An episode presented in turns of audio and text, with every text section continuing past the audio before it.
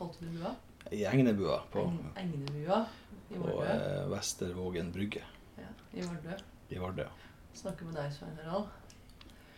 Så I introepisoden vår så sa vi noe om at kulturminner ofte handler om identitet.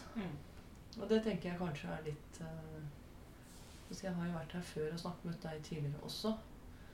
Og det tenker jeg er et viktig stikkord når vi er her i Vardø. Og det er mye av det Altså, i dag jobber du som fisker. Du har kjøpt deg en sjark. Ja, det, det er identitet. ja, det er kjempeidentitet. identitet. Men så har du jobba en del med kulturminner, faktisk. Eller kaller du det å jobbe med kulturminner, eller jobbe med byen, liksom? ja, jeg var ikke så opptatt Eller jeg har jo ikke vært så opptatt av kulturminnene, kan du si. Jeg har vært mer opptatt av, eh, av folk og at eh, hva kulturminner kan liksom resultere i da, for en plass eller for, for folk.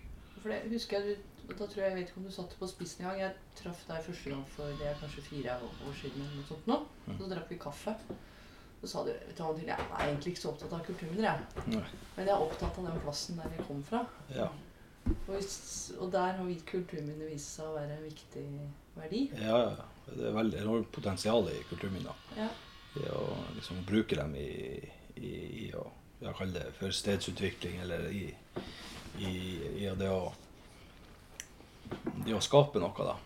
Som, som er kanskje er litt mangel på sånne plasser som som Vardø, der ting har gått eh, gått kanskje litt galt, eller har vært eh, nedadgående trender og sånn, så er jo, er ofte det som skjer, er jo at folk eh, blir passive, og man tør ikke å ta tak. Og, så det vi opplevde da med, når vi begynte å jobbe med kulturminner, var jo at, noe, at det var noe som fikk folk i gang igjen. Og når folk begynte å restaurere bygg og fikk litt tilskudd fra Kulturminnefondet eller fra Riksantikvaren via fylkeskommunen og sånn, så satte de i gang masse prosesser. Da, så, og det førte til mye spennende resultater. Og det er kanskje veldig merkbart på en plass som Vardø, der det er lite aktivitet og folk, dårlig økonomi, og folk tør ikke å investere i byggene. Da. Så når, det, når folk begynner da, å, å bruke penger og restaurere hus, så, så er det mye andre verdier som blir skapt. da. Sånn som stolthet og økt selvfølelse og bedre selvtillit. Og, så det, det, det, har vært, det har vært den største gleden med å, å jobbe med det. Ikke sant? For å få ta litt bakgrunnen her. Var det sånn at du var borte fra byen noen år? Ja. Og, og borte, jobba borte, jeg jobba i Forsvaret i en femårsperiode. ja. Og så kom du tilbake til Vardø, Ja. og ble liksom slått av fra avflytting og Ja, var flytta nesten 500 mennesker. Det var det jo bare i dag en plass på 1900 innbyggere, men på de årene jeg var borte, så flytta det borti 500 mennesker på de fem årene. Ja. Det var jo masse venner og familie. Så vi kjenner, kjenner jo alle Mm. som var borte. Og ja, by, næringslivet i byen lå jo helt nede. og jeg hadde jo sett det, jeg hadde holdt lokalaviser i mange år, så jeg hadde jo fulgt med i da Østhavet som lokalavis. Hadde jo skrevet om det her. Og, men det var jo mye tøffere å, liksom, å se det når man kom hjem, på en måte, enn det man hadde lest om da. Og så kommer du hjem og blir slått av dette her, og så starter du Vardø Restord? Nei, det, det var jo ikke helt sånn. Jeg starta, starta først med en kafé ute i et eh, fiskevær som heter Hamningberg. Der er jo veldig mye kulturminner. Bare kulturminner. Det er jo en plass som er fraflytta, men eh, som ikke ble brent under krigen, og der alle bygningene står igjen. Og, Vi skal jo dit etterpå. ja, Ja. så, eh, men der i, i Hamningberg også, så var jo eh, eh, Folk var jo ikke noe særlig glad i det her vernet som var over bygda, og heller ikke glad i turistene. Så da jeg starta med kafeen der, så var det ikke så god stemning av det heller. Da. Så det var jo problemet med matikken at uh, turistene bare kjørte inn i bygda parkerte overalt. Det er litt enda den problematikken, da, men så med litt sånn tilfeldigheter så ble vi, eh, kom vi inn i det her verdiskapningsprogrammet til Riksantikvaren da, og ble en pilotprosjekt i 2005-2006. Mm. Og, og det, jeg var prosjektleder og initiativtaker. Og, og så fikk vi masse problemer selvfølgelig med det, fordi vi hadde jo ikke kalkulert med at folk egentlig hata kulturminnevernet. Og syntes det var noe møkk og mannskitt, eh, rett og slett. Men det, det handla litt om at de hadde jo blitt tvangsforflytta derifra. Og de opplevde jo at vernet var på en måte en ny måte å bli umyndiggjort på. En ny måte at vernemyndighetene på en måte hadde tatt et grep om plassen. Så de hadde jo allerede mista plassen én gang og For ble tvangsflytta derfra? ble tvangsflytta i 64. 64, ja. ja ikke sant? Så når vi starta med kultur, verdiskapning på kulturminneområdet, så er det, det er liksom det absolutt verste man kunne egentlig ha funnet på å gjort. Ja. Men så, også, og det, det var veldig interessant i Hannibal, for at de, de har jo kanskje opp, opplevd da, så Kulturminnevernet er jo ekstremt dysfunksjonelt. Jeg vil jo si at det enda er det. Uh, og det handler jo om at uh, sant, uh, her er jo det ytterste punktet i Norge. Langst ute i, vekket fra, så langt vekk fra Riksantikvaren som det går an å komme. eh, og eh, det er jo veldig stort gjennomtrekk av kulturminnevern, eh, si, konsulenter som jobber på fylkeskommunen, og veldig lite få håndverkere. Og en veldig kort sommersesong der ting skal gjøres, og, og så er det veldig stengt vern der. Så folk har jo opplevd da at eh, det å eie et kulturminne, det er jo Ja, det er veldig vanskelig, og du må søke om alt, og du får ikke tak i håndverkere, og de her kulturminnekonsulentene byttes hvert år, så du får aldri fortalt og formidla historien din, og vedtakene varierer fra person til person, da, og, så de har jo ingen tro på det i hele tatt. Da. Der ute begynte de å snekre akkurat før veien stengte, med lommelykt på natta. Mm. Sånn her, eh, for å ikke skulle bli oppdaga av verken at de gjorde noe med huset, men heller også snedde veien igjen, da, så håpa det var glemt til neste år at ingen hadde sett det her. Men, eh, men, det som skjedde der ute, da, var jo at vi ble jo tvungen, da, med at vi hadde fått det verdiskapningsprogrammet og pilotprosjektet, at vi ble tvungen til å sette oss ned og lytte til folk og høre på de her historiene hva folk. For det er så liten plass da, at hvis ikke du liksom kommer overens, så, så går det jo ikke. Og det fikk jo vi til der ute. Og da var jo det tydelig at folk, eh, det folk ville ha, var jo hjelp. De vil, sånn de vil, ha hjelp til å, det å kunne eie et kulturminne. Hva gjør man, og hvordan søker man, og hvordan skal man instruere snekkere og håndverkere. Så lagde vi et system på det som gjorde at dette ble en suksess. Og da fikk vi se de her positive tidene av kulturminnevernet, ikke de, de negative tingene. Men at når, når folk liksom fikk den hjelpa, og eh, håndverkerne ble veileda på riktig måte, eller fikk gode håndverkere inn, og de fikk restaurert opp byggene, så var jo det en kjempeverdi som ble skapt da. Mm. Og så kom jo da et skred av resultater. og Jeg vet ikke hvor mange bygninger det ble der borte, men 20-25 eh, bygninger som ble satt i stand, mm. mer eller mindre. Og noen er enda under restaurering. men... Eh, og da med ganske heftig støtte fra Kulturminnefondet? Ja da. Kulturminnefondet, og de var jo unike og kom jo opp. Og det var jo kanskje suksessfaktoren at de her også, det fantes folk i de her systemene da, som, som var villige til å, å å bruke tid. Mm. Sånn som han Einar Engen, da, spesielt. Einar Engen. Ja, ja. Sant, det, han var jo, var jo, den som ble på en måte for, forbildet liksom, for mye av det som vi gjorde etter hvert. da. Men eh, Så da, da, ble det enkelt for folk, og da ville folk sette i, så jo folk ville jo sette i stand bygningene sine. De ville jo gjøre det her, da. Og det var jo positivt da, til kulturminner, men det fordra jo at det var noen der til å lose dem. Mm. Eh, og så gjorde vi det da frem til 2010. Jeg hadde holdt på fire-fem år, fem-seks år der med det. Så så, så, så, så jeg, Da var jo akkurat vi begynte å få det til, og liksom det løste seg. Så tenkte jeg at det her er jo kjempepotensial til å Det er det vi trenger her i de her plassene som på en måte sliter med fraflytting av næringsliv. At man kan bruke kulturminnene til å skape aktivitet og, og her, ikke minst den stoltheten. Du så den gnisten eierne fikk i øynene når de restaurerte byggene sine, det var, jo, det var, jo, det fineste. på en måte, Å se hva som skjedde med folk. Det var ikke bygg, bare bygget som ble transformert, men også eierne sitt eget forhold til ja. sin historie og Fordi sin plass. Fordi gikk da egentlig fra å synes de er noe dritt, til å Ja, i hvert fall at det var problematisk det å bli noe som man så på som er positivt. Mm. Og at man hadde lyst til å fortelle om det, og gikk kanskje turistene i møte for at man hadde noe å fortelle. og noe så, det, og liksom fikk, man, man fikk trua, da. For folk har jo Alle har jo så mye egentlig å være stolt av og så mye fint å fortelle hvis man bare tror at det er noen andre som har lyst til å mm. vite om det eller lytte på det. Og. Så det var Men så i alle fall så fikk jeg lyst til å ta det her videre og syntes det var trist at denne perioden var over, så vi fikk til å starte et nytt arbeid i Vardø. Så det var starten på det som ble Vardø Restore da i 2000. Vi starta vel i 2011-2012, og så bygde det opp da. Så vi var litt sånn samme nesten, og, og hjelpe folk liksom gjennom den For så vidt hjelpe folk med, med ja. både søknader og skjønne hva de kunne gjøre. Ja. Og liksom koble på håndverkere. vi var jo veldig heldige da. Vi jo, fikk jo tak i en veldig dyktig håndverker som tilfeldigvis var gifta seg med ei jente fra Arden som heter Rasmus Krydstrup. Som eh, hadde den kompetansen som vi på en måte mangla her. Ja, han jobber jo til vanlig på Nidarosdomen. På Nidarosdomen, ja. Og, og, det var jo også den, den, kompetansen var jo en veldig sånn nøkkel i å, i å få til. Altså, vi tok liksom erfaringene fra Hanningberg, og så eh, forsterka vi liksom litt eh, det, det, her systemet og fikk inn den håndverkskompetansen. Og så fortsetter vi da med gratis rådgivning og veiledning og søknader og byggeplassveiledning og byggemøter. Og, over, og eskalerte opp antall søknader. Vi lagde jo minimum ti søknader i året til Kulturminnefondet og Riksantikvaren. Og på det meste 20-30 søknader. Og så ble jo alt det her innvilga. Så du fossa jo inn med penger til, til folk. For nå, nå, sitter vi jo på havna, som vi sa innledningsvis her. Og jeg var her for to år siden. Det har jo skjedd Dette er også et område hvor det har vært gjort ja. ganske mye. Og det har vært både i forhold til å sette bygget i stand og få det i bruk.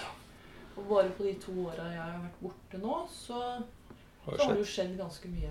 Ja, her er jo et stjerneeksempel på si, hvordan det å hjelpe noen med kulturminner blir til en samfunnsutvikling. på en måte. Da. Det, her er jo et ganske stort anlegg. Det er et kaianlegg og et, um, ti egnebuer med boarealet oppe. Og så et svært pakkhus med lagringsplass. og er mange tusen kvadratmeter her nede. og når vi starta å jobbe med det her, det er kanskje seks, syv, åtte, kanskje til og med, ja, det var faktisk åtte år siden, åtte-ni år siden. Da var det jo en eier som var veldig passiv her. Det var helt nedsøpla. Det var to fiskere som leide her. Og hele anlegget var i ferd med å rase i havet. Og nå sitter vi her åtte år etterpå. Nesten all bygningsmassen er, er under restaurering. Begynner å bli ferdig masse av det. Det er 25 båter som er knytta til anlegget. Og eiere som er i stand til å søke sjøl. De trenger ikke veiledning lenger. De på en måte fikser, fikser de tingene sjøl. Og de fortsetter da jo, må jo sikkert holde på å restaurere her i fem-seks år til før de blir helt 100% ferdig, men det har jo gått fra å være et rivningsobjekt til å bli en, eh, en kjemperessurs i byen.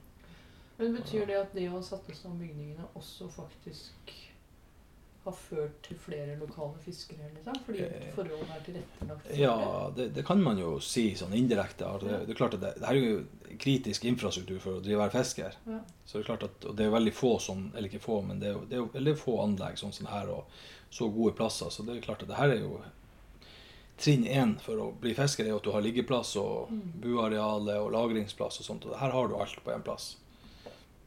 Så det, det, henger jo sammen. Mm. Helt klart. Så, de, de, har jo hatt masse det, I, i Vardehavna Vardø er jo en havneby, og det, liksom, byen er bygd opp rundt havna. Alle husene har vinduene ned mot havna, og, og, det er to våger som på en måte danner Vardø.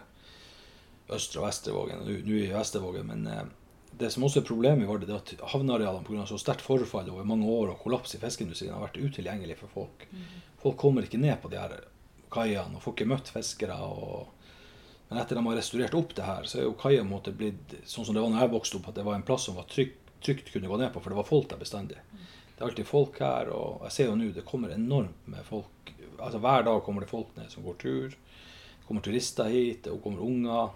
og og Det er jo med å skape en sånn fellesidentitet for hele byen. Ikke bare oss som leier her og drifter her, men også for resten av byen. Som, og så arrangeres det kulturarrangementer her, og store middager og fester og nachspiel og you name it. Så det, det, det, det er veldig, med, veldig positivt.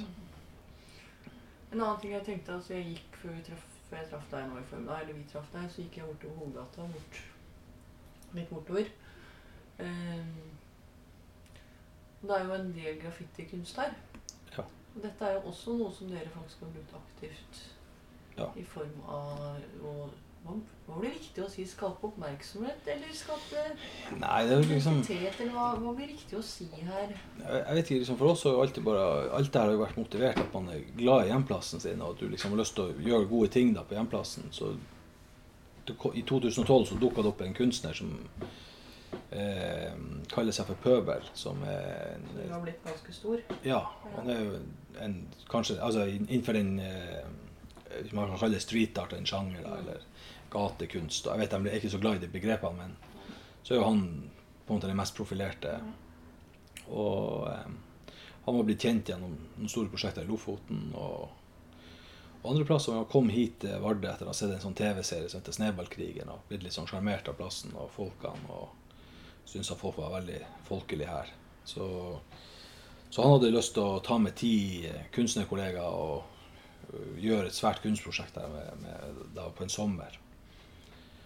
Og så var jeg veldig skeptisk, fordi han skulle begynne, begynne å male på de her byggene som også var kulturminner. og liksom og, og Kulturminnefondet og Einar Engen og alle var jo ekstremt skeptiske. Og, jeg syns ikke det var noe så jævlig briljant idé, da, men når man snakka med han kunstneren, så, han Pøbel, så uh, hadde han bodd i Nord-Norge. Bodde sjøl oppe i Lofoten en del år. og um, og var veldig sånn ikke så, Eller han syntes det var trist da, å se at det mangla generasjoner av unge folk mm. som har flytta inn til byene. og Det er mye eldre folk. og liksom, Så han hadde også, også var lei av at det, eller den street art-delen med mye debatter rundt det. da, at eh, hvor det hørte hjemme. Så han ønska liksom å statuere et eksempel med å ta mm, streetarten ut til en plass der man på en måte kanskje ikke naturlig eh, forventer å se den, og mm. samtidig eh, bidra på å sette en oppmerksomhet på litt av det som skjer i distriktene. Og så er jo, følte jeg at det er jo mye av det samme som er kanskje motivasjonen vår også, da, det her i forhold til å man, man, sliter med fraflytting og, og de tingene at du vi, vi, brukte jo kulturminner da, som en slags medisin på en mm. sånn samfunnssykdom. da, sant? Så det her var på en måte også en ny medisin. da, det her Street art så på at ok, kanskje, Hva kan det gjøre? da? Vi har funnet én medisin på den mm. med de kulturminnene, men kanskje det her kunstgreiene kan bli en slags annen løft for byen. Så da var jo, var det ekstremt viktig for meg å prøve å prakke inn i hodet på alle de folkene liksom det her med den lokale historien og den plassen og situasjonen som du fant der. Sånn at de ikke skulle bare komme hit og eh, liksom gjøre et prosjekt som ikke hadde noe forankring. Og så kjørte jo han rundt da og tvingte han Pøbel her til å prate med alle som jeg kjente. da, og kjenner jo alle her, Så det var jo, fikk han til å prate med minst 200 mennesker før han starta hele tatt prosjektet. Så det ble jo veldig sånn forankra. Han på puben og håndverkeren og kokken og ordføreren og damekoret og mannskoret og alle de her. da. Så, så, alle visste jo hva som skulle skje. Og det gjorde jo at hele prosjektet når det starta, fikk jo en voldsom forankring, og at alle ville være med og hjelpes til. Ja, så det ble en, ikke for ofte er det jo konflikt i Ja, så det, det, ble jo ingen konflikter. og Det ble bare en stor folkefest. Og, og så det som skjedde, var jo også at kunstnerne brukte anledninga til å lage kunstverk som på en måte hadde ei rot i der. For eksempel på det bygget her så sto det 'God is great' på, på, hele, på hele, veggen her. da. Det var jo fiskeri, Nå er jo den tatt bort, den der 'God is great', men Fiskeridirektoratet har jo tilbudt å å betale for å få det kunstverket tilbake igjen. da. Cod is great, hva betyr det for noe? Det er Torsken er stor, da. Sånn God is great. Cod, cod is great. Sant, og... og så har du det av han fiskeren bort på en gammel vegg nesten bort ja. der. Ja, ja visst. Så det var jo bilder vi hadde sendt fra museet. Mm. Og der var jo, også, det var jo en, det lokale museet, Varanger museum, var jo en kjempebil. Jeg jobba jo der i Varanger museum med Rard Restored, og sant, vi gikk jo veldig tungt inn i det her prosjektet. og og det gjorde at det ble et uh, kjempe sånn blitt Noe som alle ble stolt av, alltid følte at var sitt. Samtidig som det eh, ga en kan du si, litt falleferdig by som prega fraflytting, et litt mer fresht uttrykk. Så når du gikk på nett og, og på en måte googla Vardø, så var mye av det du så, var på en måte de her Ikke bare si, rønner da, eller falleferdig bygg, men også de her kunstverkene som også handla om lokal kultur og identitet. Altså, det ble jo et sånn kjempe Og mange av byggene ble kjøpt opp etterpå og fikk en ny gnist. Det var derfor det her prosjektet heter Komafest. At man ønsker å vekke opp de byggene av koma. Så man tenkte at det var, sånn, De er i koma. De er på en måte bare, de er ikke døde. De bare ligger i sånn litt heftig hvilemodus. Modus, da. Men det skjedde faktisk etterpå at uh, bygg ble kjøpt opp og satt i stand. Og, og her er jo et eksempel vi er nå, da. Mm. Ja, det er kjempekult. Så det, det er en ny måte å tenke Ja, det er en helt ny måte å tenke på. Det er en veldig spennende måte å tenke på. For det er, det er noe som for så vidt er utafor den der faste ramma som kulturminnevernet opererer i. Ja. Som jeg Altså, jeg som har jobba med dette her en del år, altså jeg syns det er kjempespennende. Fordi jeg tror, ikke, jeg tror ikke du kunne satt den der malen man pleier å bruke, på et område som Vardø, eller på egentlig ganske store deler av nordområdene. Mm. Eh, og det feltet er jo overhodet ikke ferdig snakka. Men det er noe med at man gjør erfaringer hele, hele tida. Og det er ja. så viktig. For jeg må jo si at når jeg går rundt her, både her og vært i Narvik altså En del av disse byene her nordpå Jeg får jo litt hetta, liksom. For mm. her forsvinner det ting fort, altså. Ja, visst, visst. At det, det står liksom eh, ja. Vardø virkelig ikke altså, Vardø syns jeg er veldig, veldig flott, men det er en del ting vi har sett. altså Ting står til forfalls. Liksom. Ja, visst. Det, så vi er liksom midt i en prosess hele tida hvor vi både skal finne apparater for å ja. jobbe, samtidig som vi skal faktisk Hvis man tenker litt sånn mer akademisk enkelt, ja. vi skal vurdere hva, hva er det faktisk vi driver med. Ja. Vurdere og evaluere samtidig som man faktisk er i aktivitet. Og det er innmari, innmari spennende. Mm. Det er det. Men uh, som vi sa innledningsvis, nå er du over i en annen del for så vidt av ja. arven og tradisjonen her. For det... vi kjøpte en sjark begynte å fiske og slutta med kulturminnevern. Så, men uh, Ja, nei, det er jo litt tilfeldig, da. Men uh, hadde jo Når jeg slutta i militæret, så hadde jeg egentlig planlagt om å kjøpe en sjark. Men så var jeg inne og så på en sjark da han sto på land. Så ble jeg så jævlig kvalm. Når båten sto på land, jeg spydde jo og ble sjuk i to dager. Så tenkte jeg at eh, så når båten sto på land, tenkte jeg jeg egner meg jo sannsynligvis veldig dårlig som fisker. Jeg blir, jeg blir sjuk av å være i båt på land. Så, eh, så ble jeg liksom aldri noe mer. Men så har jeg hatt sånn hobby å surfe på finn.no på sjarska. da. Ja. Og så eh, og så er det jo ikke noe tvil om at det er altså Vi kjørte jo etter en sånn ganske sånn Hva man skal si sånn kamikaze-lignende eh, stil da i prosjektarbeidet. Så vi, vi hadde jo Vi drog alltid strikken lenger og lengre. Og vi, vi, gjorde jo et eh, stunt i 2017 eh, da vi reiste til Russland og bygde et bibliotek og ei badstue inni et lite fiskevær der. Og, liksom, så vi, vi, tok jo på oss litt for store sko der, og det ble, begynte å bli sånn 3000 timer på kontoret i året. Og da ble jeg mektig lei da, og 70 telefonsamtaler om dagen. og så, merka jeg at jeg begynte å surfe ekstremt mye på sjarka. Så, det økte antall timer jeg brukte på finn.no. begynte å mer. Så, eh, så sa jeg vel veldig på dattera mi sine bursdag, som var 15. april, så i 2018, så sa jeg det at eh, innen to år skal jeg kjøpe meg en sjark. Så gikk det tre dager, da, så så jeg en sjark jeg fikk lyst på. Så tok jeg og kompanjongen min da, og hun Brona Keenan, og så bestemte vi skulle prøve å kjøpe en sjark for å inkludere det i det her prosjektarbeidet vårt mm. som en måte å skaffe oss litt uh, bedre økonomi. For vi har jo alltid jobba gratis. Mm. Vi har jo aldri hatt noen sånn kommersiell idé med å Vi har jo hjelpa folk gratis. Og, så tenkte jeg vi skulle fiske, fiske, litt for å Men så, i og med at jeg var så mektig lei av alt det prosjektarbeidet og ble bare mer og mer lei og litt sånn utbrent på det, så, så når jeg begynte å fiske, så, så, så tenkte jeg at eh, det her er jo egentlig noe som jeg kunne tenkt meg å holde på med. Og fikk det til og syntes at det var utrolig fint. Hvordan gikk det med sjøsyken? Den gikk over etter kun kort tid. Ja. Eh, jeg var veldig kraftig sjøsyk den første kvelden vi var ute, og så gikk det bort dagen etterpå. Og siden har ikke jeg vært sjøsyk.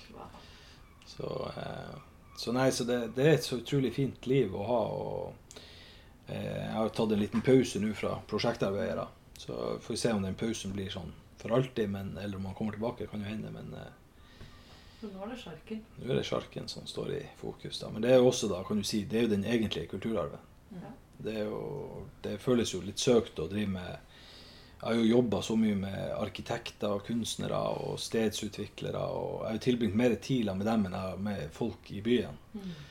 Så, så, jeg føler jo Og vi hele tatt liksom jobber med kulturarven, men samtidig så er det jo en ekstrem distanse. da, Den her akademiske tilnærminga til kulturarven.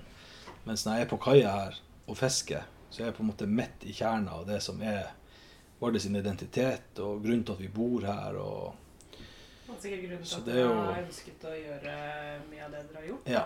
Så, så, på en måte er det litt som å komme hjem. på en måte, og Det har vært en del av Vardø som ikke jeg har kjent til. Så, så jeg jobba på fiskebruk og hadde venner som er fiskere, men jeg har jo ikke vært i det.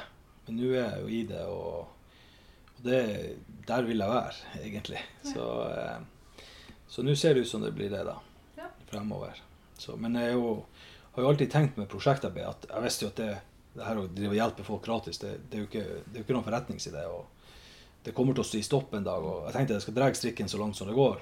Og så når det stopper, så har jeg bare lyst til å se meg tilbake og tenke å se på alt det fine som vi skapte og fikk til, og, og være stolt og glad for det. Og så, så er det kanskje et kapittel som er som hun har lagt bak seg, men det er i hvert fall veldig stolt av det vi fikk til. Og det har vært en utrolig reise å få jobbe med kulturminner. Og, og jeg har ingen tvil om at det er en enorm samfunnsressurs som, er tilgjengelig for, eh, for, hvem som helst som har lyst til å gjøre. Og det finnes jo Kulturminnefondet og Riksantikvaren er jo fantastiske apparater for å, for å kunne At det finnes støtteordninger til å ta vare på det, er jo superbra.